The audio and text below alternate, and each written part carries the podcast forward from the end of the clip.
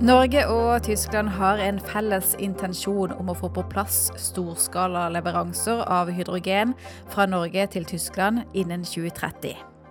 Skal det bli en realitet, er det mange brikker som må på plass. Annet må det være aktører som er interessert i å produsere hydrogen i Norge for det tyske markedet. Shell er interessert, men enn så lenge er det nok av barrierer som kan sette en stopper for planene. Hvis det er viktig for myndighetene på tysk side og norsk side å få til oppstart eh, innen 2030, så eh, er det, er det ganske travelt, ja. Hjertelig velkommen til Energi og klima. Mitt navn er Kirsten Øystese, og jeg er glad for å ha med Eirin Sandberg i Skjell. Velkommen. Ja, takk. Det er spennende å få være med. Ja, Prosjektleder i Kjeller jobber jo med det som kalles energiomstilling. Og det er jo mange prosjekter som går under der, altså vindkraft, karbonfangst og -lagring, og også hydrogen, som vi skal snakke om. Egentlig er det alt som, som ikke er tradisjonell fossil energiproduksjon. Ja, det er jo sånn eh, eh, vi har definert det her i, her.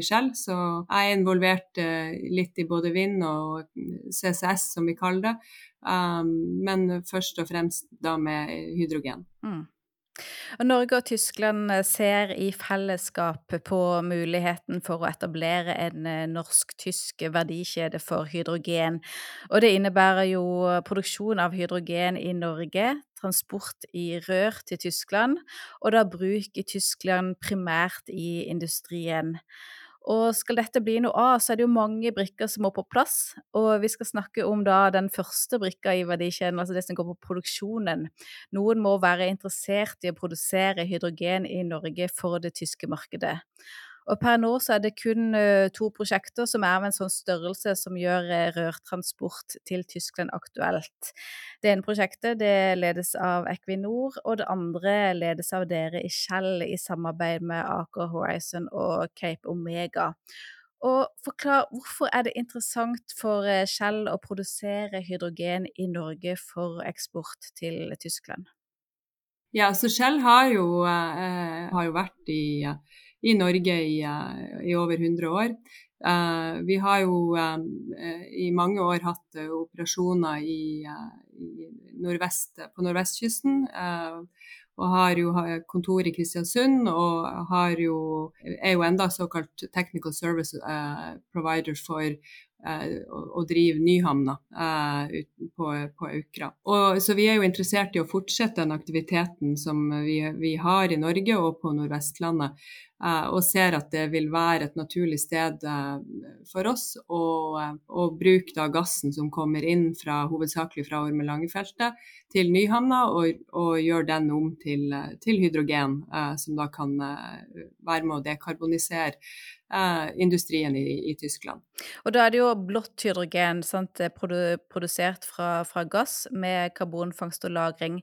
Hvor står prosjektet deres nå? Ja, nå har vi jo jobba med det, å modne det her prosjektet i uh, flere år. Det er jo sånn med sånne uh, type prosjekter, de er jo store og komplisert. Og, og det tar jo tid å modne de. Uh, så nå så er vi ved det vi kaller en Decision Gate 2. Og det betyr at i neste fase av et sånt prosjekt, så vil vi jo gå mot et, et konseptvalg. Det vil være da neste milepæl eh, som da vil ta eh, i overkant av et, et, år og nå. Og så vil neste milepæl igjen etter det vil jo være en, eh, en eventuell investeringsbeslutning. Mm. Og hva ligger da konkret i et sånn eh, konseptvalg? Ja, altså Et konseptvalg det er jo, eh, det, det er jo et integrert beslutning der man, man velger både Eh, altså de tekniske løsningene, og også eh, komme, må komme lenger på det kommersielle eh, og, og, andre ting. Så det, i det så vil det f.eks.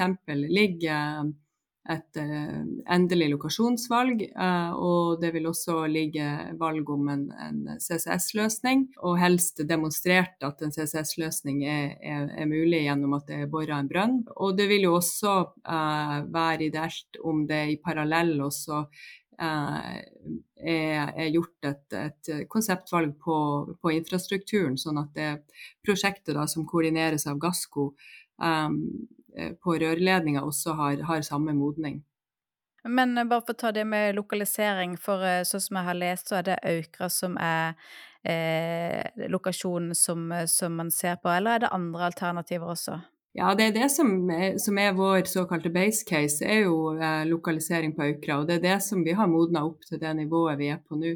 Um, men så er det jo um, utfordringer ved, ved, produksjon av uh, hydrogen.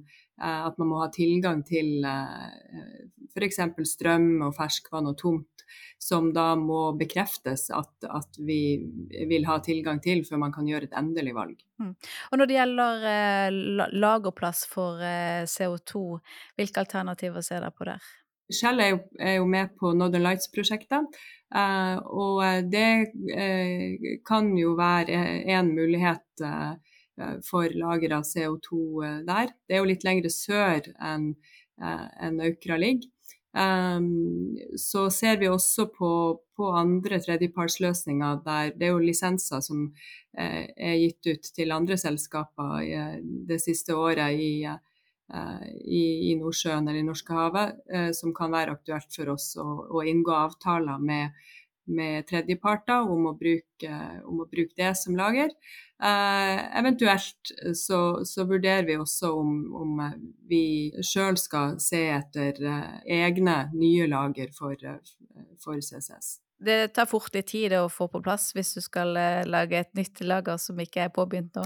Ja, det er jo en ganske lang eh, modningstid for å, eh, for å, gjøre det. Så hvis vi skal eh, modne opp et nytt eget lager, så har vi det litt travelt med å gjøre det. Men, og, og, derfor så bruker vi jo som en, eh, som en base case, som et utgangspunkt, så, så er jo det en, enten et tredjepartslager eller å bruke våre, vårt eget Northern Lights. Mm. Men, det, men, det, er jo ganske store eh, volumer av CO2 som eh, vil komme ut eh, fra produksjonen av, av såpass eh, stort skala hydrogenanlegg. Så det er absolutt en viktig brikke å få på plass eh, når man, eh, man tenker på å lage et, et produksjonsanlegg for hydrogen. Ja, for de volumene dere ser på nå, det er å produsere da opp mot 450 000 tonn hydrogen i året i 2030, er ikke det riktig? Jo, det er opp mot 450 000 tonn eh, hydrogen eh, i, i året. Og det, til, det, vil jo eh, tilsvare 3,5 millioner tonn eh, CO2 som, eh, per år som må lagres da, et eller annet sted. Akkurat. Betydelig volum. Mm. Men skal det da øke produksjonen etter hvert, hvis dette da blir realisert, eller er det 450 000 tonn per år i i all framtid, så å si, eller hvordan, hvordan ser prognosene ut fremover? Nei, vår plan eh, på det modningsnivået vi er på nå, det er at det er et såkalt trinn, og det er da 450 000 tonn, tonn i året.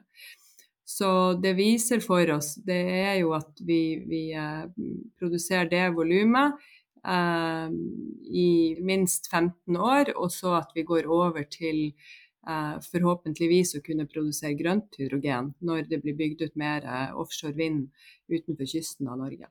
Ok, Så ikke en økning i blått hydrogen fremover? Eh, nei. Eh, vi, vi, ser for oss at det, vi, vi, har et, eh, en, en, fase med blått hydrogen, eh, og at det etter det vil være en overgang til grønt. Og Det er jo det som er en viktig ting med å med å, å, bygge den infrastrukturen her til Tyskland, det er jo det at man kan få, eh, få, få bygd ut det og finansiert det gjennom eh, store volumer av, av, blått hydrogen eh, i starten, eh, og at da infrastrukturen vil være på plass for, eh, for, å kunne eksportere grønt hydrogen senere, som kanskje ikke vil være like høy, høy margin på eh, som, som det blå. Vi skal komme litt inn på kostnadene og lønnsomheten i det. Men uh, i forhold til gassvolum, da, hvor mye, hvor, hvor mye, gass vil dere trenge for å produsere 450 000 tonn hydrogen i året, og hvor mye utgjør det da av deres produksjon i Norge? Ja, jeg har ikke foran meg akkurat hvor mye gass uh, det faktisk uh, må til, men det utgjør jo ikke en stor andel av gasseksporten fra Norge. Så vi kjøper jo gass, gass på gassmarkedet, så vi er avhengig av at det er nok gass fysisk tilgjengelig som kommer inn fra området D da, til Aukra for at vi skal kunne kjøpe det. Og, og der så vi, ser vi at vi har nok gass til å produsere i minst 15 år. hvis vi får starta opp i 2030. ja, uten at det skal være nødvendig å, og lete etter mer gass for å få det til. Men hvordan ser dere da på den konkurranseforholdet mellom å bruke da gassen til å produsere hydrogen og selge det som hydrogen, kontra bare selge gassen som gass som i dag? Det er jo et mer raffinert produkt enn gass. Uh, så derfor er det jo et produkt som du vil få mer betalt for uh, enn en du vil få uh, hvis du selger det som gass. Det ligger jo til grunn for at du, du gjør den omforedlinga fra gass til hydrogen. At det er et marked i, i, Tyskland som er villig til å betale den ekstra kostnaden. Ja, hva, hva vil det koste, og hva er betalingsviljen? Ja, jeg kan ikke gå eh, så mye inn på hvor mye det faktisk vil, vil, koste for de som da nede i Tyskland skal kjøpe det her. Men det som ligger til grunn for å, å, at det er interessant å bygge ut en sånn her helt ny verdikjede, det er jo først og fremst at eh, vi tror, eller Tyskland da har annonsert, at det vil være eh, at det vil være et stort marked for hydrogen i, i Tyskland i, i, årene, i tiårene framover. Og, og, det igjen er jo basert på de, de målene som er satt av, av EU. Og, og, noen av de regelverkene er jo, er jo, eh, gjort til lov også i EU og forventes å implementeres nå i Tyskland og i andre land. Eh, som setter veldig strenge krav til, eh, til dekarbonisering i mange industrier. Og der så ser vi jo at, at mens det er ganske mye planer og prosjekter i, i, i EU for å lage grønn hydrogen, eh, som jo er det foretrukne eh, produktet i, i, mange europeiske land, også for at det skal oppfylle de, de EU-kravene, så ser vi jo at, at alle eksterne analyser, og, og, for så vidt våre egne analyser òg, der ser vi jo at blått hydrogen det er jo mer realistisk på kort sikt uh, å, å, bruke for en industri som må dekarbonisere, fordi det vil være til mye lavere pris enn en eh, det grønne hydrogenet. Hvor mye lavere pris? Det vil være betydelig lavere pris. Uh, så, så det, hvis du ser på sånne uh, eksterne analyser fra Woodmac f.eks., så, så, ser de vel eh, Altså de opererer jo med en sånn såkalt range, ikke med, med ett tall. Men der eh, i, i, ganske lang tid framover så er du nok under halv pris for det blå hydrogenet. Eh, og hvis en sånn Altså det vil jo typisk være en stålfabrikk da, eh, i, som en industrikunde som vil ønske å, å, bruke hydrogen for å dekarbonisere, og de vil jo trenge store mengder hydrogen også. Uh, og, og, da vil det jo uh, Da vil jo ikke de ha råd til rett og slett å, å kjøpe inn så store mengder med, med grønt hydrogen. Mm. Si litt om de barrierene, for det er jo både Hvis du skal, hvis du skal starte med produksjon i, i, Norge i 2030, så skal du jo både ha kundene på plass, kunder som, eh, som er villige til å til å kjøpe, kjøpe, hydrogen, og i noen tilfeller også gjøre investeringer sjøl. For eksempel du nevnte stålindustrien, og hvis stålindustrien skal gå over fra kull til hydrogen, så er ikke det bare et switch, det må også gjøre investeringer for, for å få det til. Så, så kunder er én ting, og så er det selvfølgelig teknologien i det, og det er økonomien i det. Eh, hvordan ser dere på barrierene, og hva er det som potensielt kan stoppe prosjektet? Der er det jo mange ting som er utfordring. fordi sånn som jeg nevnte i sted, så er det jo en helt ny verdikjede eh, som eh, man prøver å etablere mellom eh, Norge og Tyskland. Og i alle deler av verdikjeden, helt fra produksjon til marked, så er det jo, eh, det, er det jo utfordringer. Hvis vi starter oppstrøms da med produksjon, så snakka vi jo litt om det i sted. at det, Um, at der så er, man jo avhengig av å ha eh, sånne grunnleggende ting på plass for å kunne starte produksjon, sånn som å ha nok strøm eh, og ha eh, tomt. Det er ganske stort areal som trengs for å bygge et sånt anlegg. Eh, det er jo kanskje en fordel å være i nærheten av der det er gass. Så de, de gassanleggene som ligger langs vestkysten av Norge, er jo, er jo, det som er mest kanskje ideelle plassering for sånne, sånne anlegg. ferskvann er også viktig å, å ha.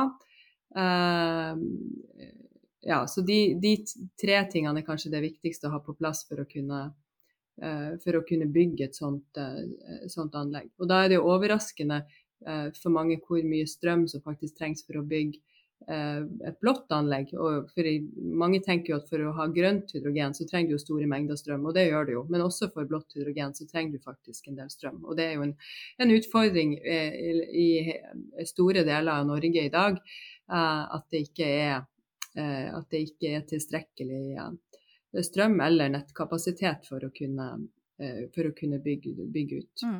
Også tilgang til ferskvann er kanskje ikke noe man tenker på at er nødvendig for å, for å produsere blått hydrogen? Nei, det er jo heller kanskje ikke noe man tenker på. Um, så, og, og, der så kan man jo selvfølgelig ha, uh, installere sånn desal, desaliniseringsanlegg og bruke saltvann, men det gjør jo det at det blir mye, mye dyrere eh, hvis man må, må eh, ha sånne tiltak.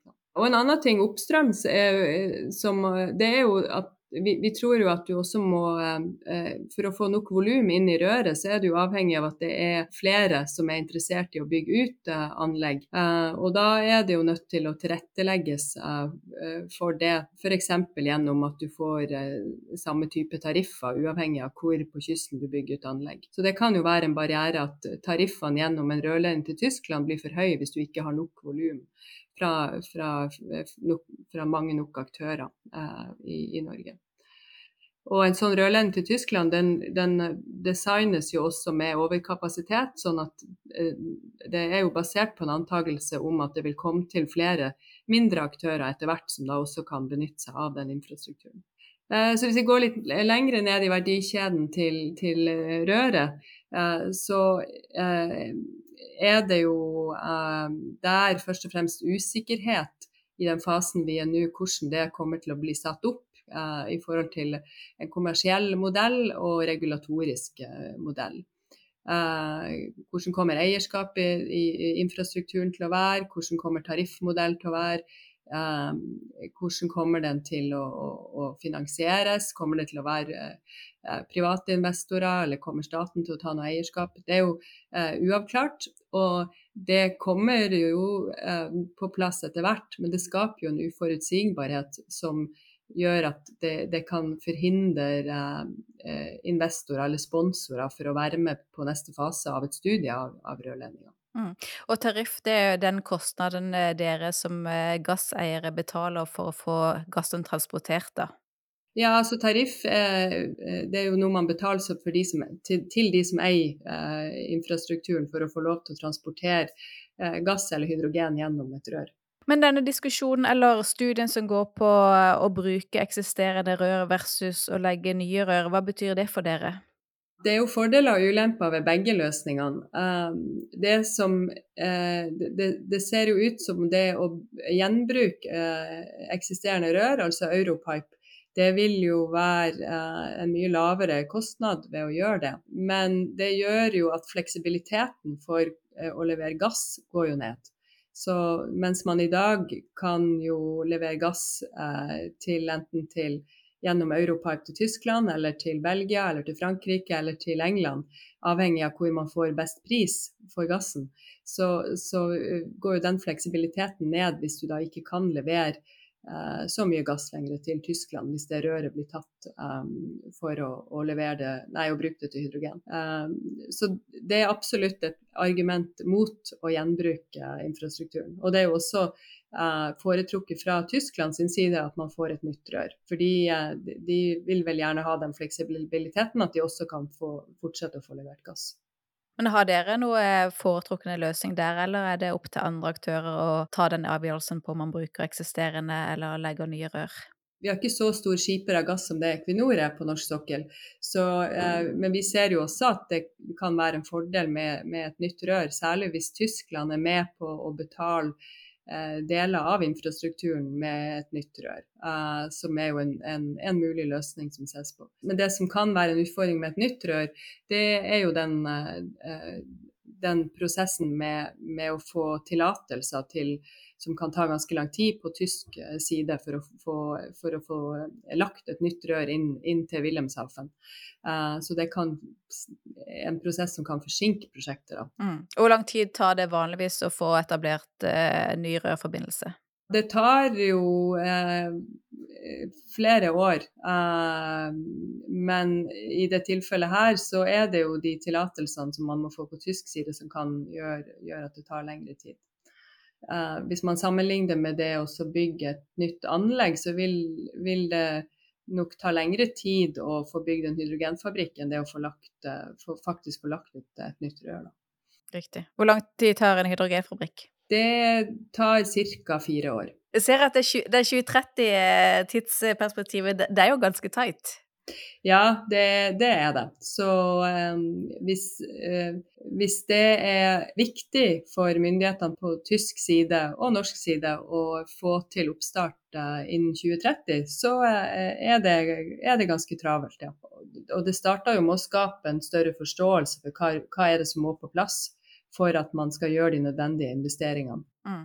Og hva er det som, som, skremmer dere, da, i den grad det er noe som dere syns er Eh, er utfordrende, og så kan gjøre det til at dere ikke holder den fremdriften eller tar den investeringsbeslutningen som, uh, som da må tas i, i 2025 og 2026 for å rekke dette? Ja, så Det er jo noen av de usikkerhetene som vi, vi snakker om når det er altså oppstrøms. Men, når, men, så er det jo veldig mye som, som finnes lenger ned i verdikjeden som, som for øyeblikket er, er usikkert for oss det er jo altså signalene i, i, Tyskland og i EU, der så går det jo en del ting som ser ut til å gå i, eh, i, eh, i riktig retning. At de blir mer interessert i blå hydrogen, eller det som vi kaller lavkarbonhydrogen. For før så har um, har vi opplevd at der så eh, er det en veldig sånn, sterk preferanse for grønt. Og det har vært snakka mye om at blått hydrogen det er, det er kanskje nødvendig, men bare i en sånn overgangsfase. Men for at man skal kunne ta en sånn investeringsbeslutning, så må man jo ha noe langsiktighet for at man skal kunne få, få igjen eh, investering, penger på investeringa si. Så der så, så uh, trenger jo en, et sånt selskap som Shell eh, noe langsiktighet i, i, forhold til hvor lenge et sånt produkt vil være akseptert i Tyskland. Og det henger jo sammen da med at, at ved, en, ved, en, investeringsbeslutning så er det jo eh, nødvendig for oss å ha no, altså en slags langsiktig kontrakt, eller i hvert fall en sånn slags garanti på plass Eh, uh, for at vi får solgt uh, produktet vårt. Um, ellers er det jo vanskelig å, å gå videre med, med, det. Ja, Hvor lang kontrakt vil være nødvendig? Snakker vi fem år, ti år, 15 års kontrakter? Ja, da snakker vi typisk 15 år. Um, og, og, det trenger jo ikke nødvendigvis å være en 15 års kontrakt, men det må i hvert fall være uh, en, en, slags garanti for at det vil være akseptabelt å få solgt produktet vårt innenfor en 15 års uh, tidshorisont. Er det andre barrierer for, uh, for dette prosjektet som, vi, som, du ikke har nevnt nå? Altså, vi har vært innom eh, oppstrøms, eh, rørtransport, eh, interesse fra kundene. Er det andre ting som som nå står i veien for, eh, for, å kunne produsere blått hydrogen i Norge og eksportere det til Tyskland? Ja, altså Nedstrøms i Tyskland, når det kommer ned gjennom det her røret, så må det jo distribueres også i, i Tyskland eh, til potensielle kunder. Og eh, der så, så eh, er det jo godt i gang med å lage et sånt nedstrøms nettverk eh, av noe, noe, gjenbruk av gassrør og noe nybygde rør. Eh, så det Eh, ser vi vel ikke egentlig på som en så høy risiko, men det er jo hvert fall noe som Det er jo ikke på plass i dag, men vi regner jo med at det vil være på plass fra sånn 2028. Og i sammenheng med det så er det jo også nødvendig med lager av hydrogen. Um, i, uh, i, Tyskland. Og der så er vi Det ser, har vi vel litt høyere oppe på riskregisteret vårt. At der er det litt mer usikkert hvor langt de er kommet i planlegging og utføring av, av lager for, uh, for hydrogen. Og hvis vi går litt eh, lenger oppstrøms til transport, så eh, ser vi jo at det er jo en risiko for at det kanskje i starten av eh, en sånn eksport av hydrogen vil eh, være eh, mindre volum som går inn i røret eh, før, før, flere prosjekter eh, eh, begynner å produsere, sånn at tariffen blir uforholdsmessig høy. Så vi tror jo at, at det vil være hjelp i om, om det kom hjelp fra myndighetene da, på en slags sånn det kalles eh, tariff for difference, noe som de har etablert i, både i Storbritannia og i Tyskland, som utjevner tariffen, da, sånn at du er, du er sikra en lavere tariff eh, i, i, starten, selv om det er lavt volum, og så må det kanskje betales tilbake senere da, når det er høyere, høyere volum. Som er ja, noe som vil være med å redusere usikkerheten da, eh, for en produsent. Er det da tyske eller norske myndigheter som bør gå inn og dekke den differansen, eller er det en kombinasjon? Ja, det tror jeg kan være en kombinasjon. Så det er jo flere ting her eh, som det norske og tyske myndigheter må finne ut eh, sammen med hverandre. Riktig. Men hvis vi ser på eh, den mulighetsstudien som er gjort, og det forsøk man nå prøver å få til en verdikjede fra, med, med, Norge og Tyskland, eh, så nevnte du jo at man må ha et visst volum, altså et visst produksjonsvolum for at eh, rørtransport skal, skal, gi noe mening. Eh, og som sagt så er det jo bare deres prosjekt pluss Equinors prosjekt som er av en viss størrelse, som i hvert fall er på tegnebrettet i dag. Betyr det at eh, man er avhengig av at både dere og Equinor går videre med prosjektene for at dette skal realiseres? Ja, på en måte så, så kan man jo, jo si det. Uh, men uh, så jeg tror i hvert fall fra vår, vårt perspektiv så vil jo vi ha stor, uh, stor nytte av at det er mer, mer enn én produsent. Um, og, men nå må man jo huske på at det her er jo, altså, det her, det her, det er jo i utgangspunktet sånn som det er per 2023, desember 2023, så er det jo de produksjonsprosjektene man vet om. Men så er jo en sånn eh, altså Det å bygge et nytt rør, et så, såpass stort rør, da antar man jo at det vil komme til nye eh, produsenter av, av, kanskje av blått, men særlig av grønt hydrogen etter hvert, som vil benytte seg av den infrastrukturen. Er det noe som eh, mangler på norsk side? Da tenker jeg på rammevilkår, finansieringsordninger, subsidier. Altså er det noe som stopper fremdriften i utviklingen av en eh, norsk-tysk verdikjede for hydrogen akkurat nå? Altså Der vi er nå, så er vi jo enda tidlig fase. Eh, men, men, selv der vi er nå, så kreves det jo ganske mye penger for å komme oss videre til eh, en, en investeringsbeslutning. Og hvis man ikke har nok selskaper med for å spleise på de tidligfasekostnadene, så vil det jo være ganske mye eh, på de få som da, da eventuelt er med. Eh, så det tror jeg jo, med de usikkerhetene som finnes nedover i, i, verdikjeden, og særlig usikkerheten rundt markedet, for det er jo ikke noe marked for hydrogen i dag, så, så, tror jeg det kan være et hinder for å, å, gå videre, og i hvert fall å gå videre med den, den fart, eh, farta som er eh, påkrevd for å nå, nå de ambisiøse målene om å starte opp i 2030.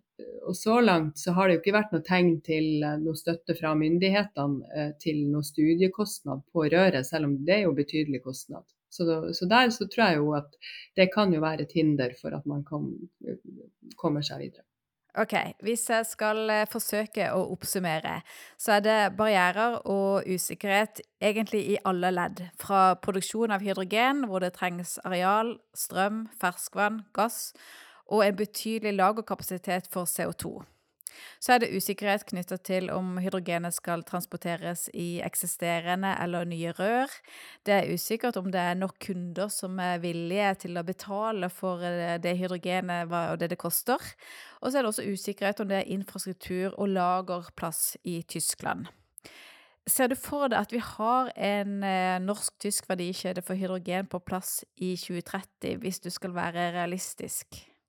Jeg tror det, det, er absolutt realistisk at vi eh, kan, eh, med, med, de forutsetningene vi har eh, i, i, Norge, og den eh, erfaringa selskaper sånn som Equinor og Shell har med å bygge store prosjekter, eh, og rørledninger også har vi lang erfaring med i Norge, så tror jeg det absolutt er realistisk at vi kan at, at, vi kan produsere og at vi kan eksportere hydrogen til Tyskland, og at det kan være lønnsomt også å, å gjøre.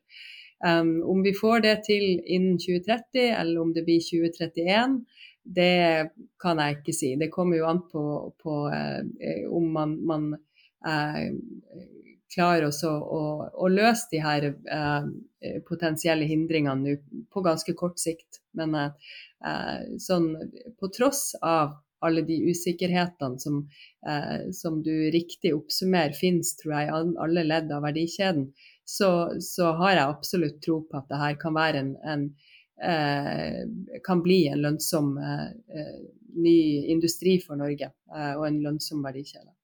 Ok, du Eirin Sandberg, tusen takk for praten. Det er veldig spennende å følge disse industriprosjektene og se hva som faktisk blir realisert når vi nærmer oss 2030. Så tusen takk for en veldig ryddig og grundig orientering. Takk for at jeg kunne bli med. Takk også til du som lytter på. Hvis du ikke allerede abonnerer på Energi og klima, da du foretrekker å høre på podkaster, så gjør gjerne det. Da får du neste episode automatisk opp i spillelista. Takk for i dag.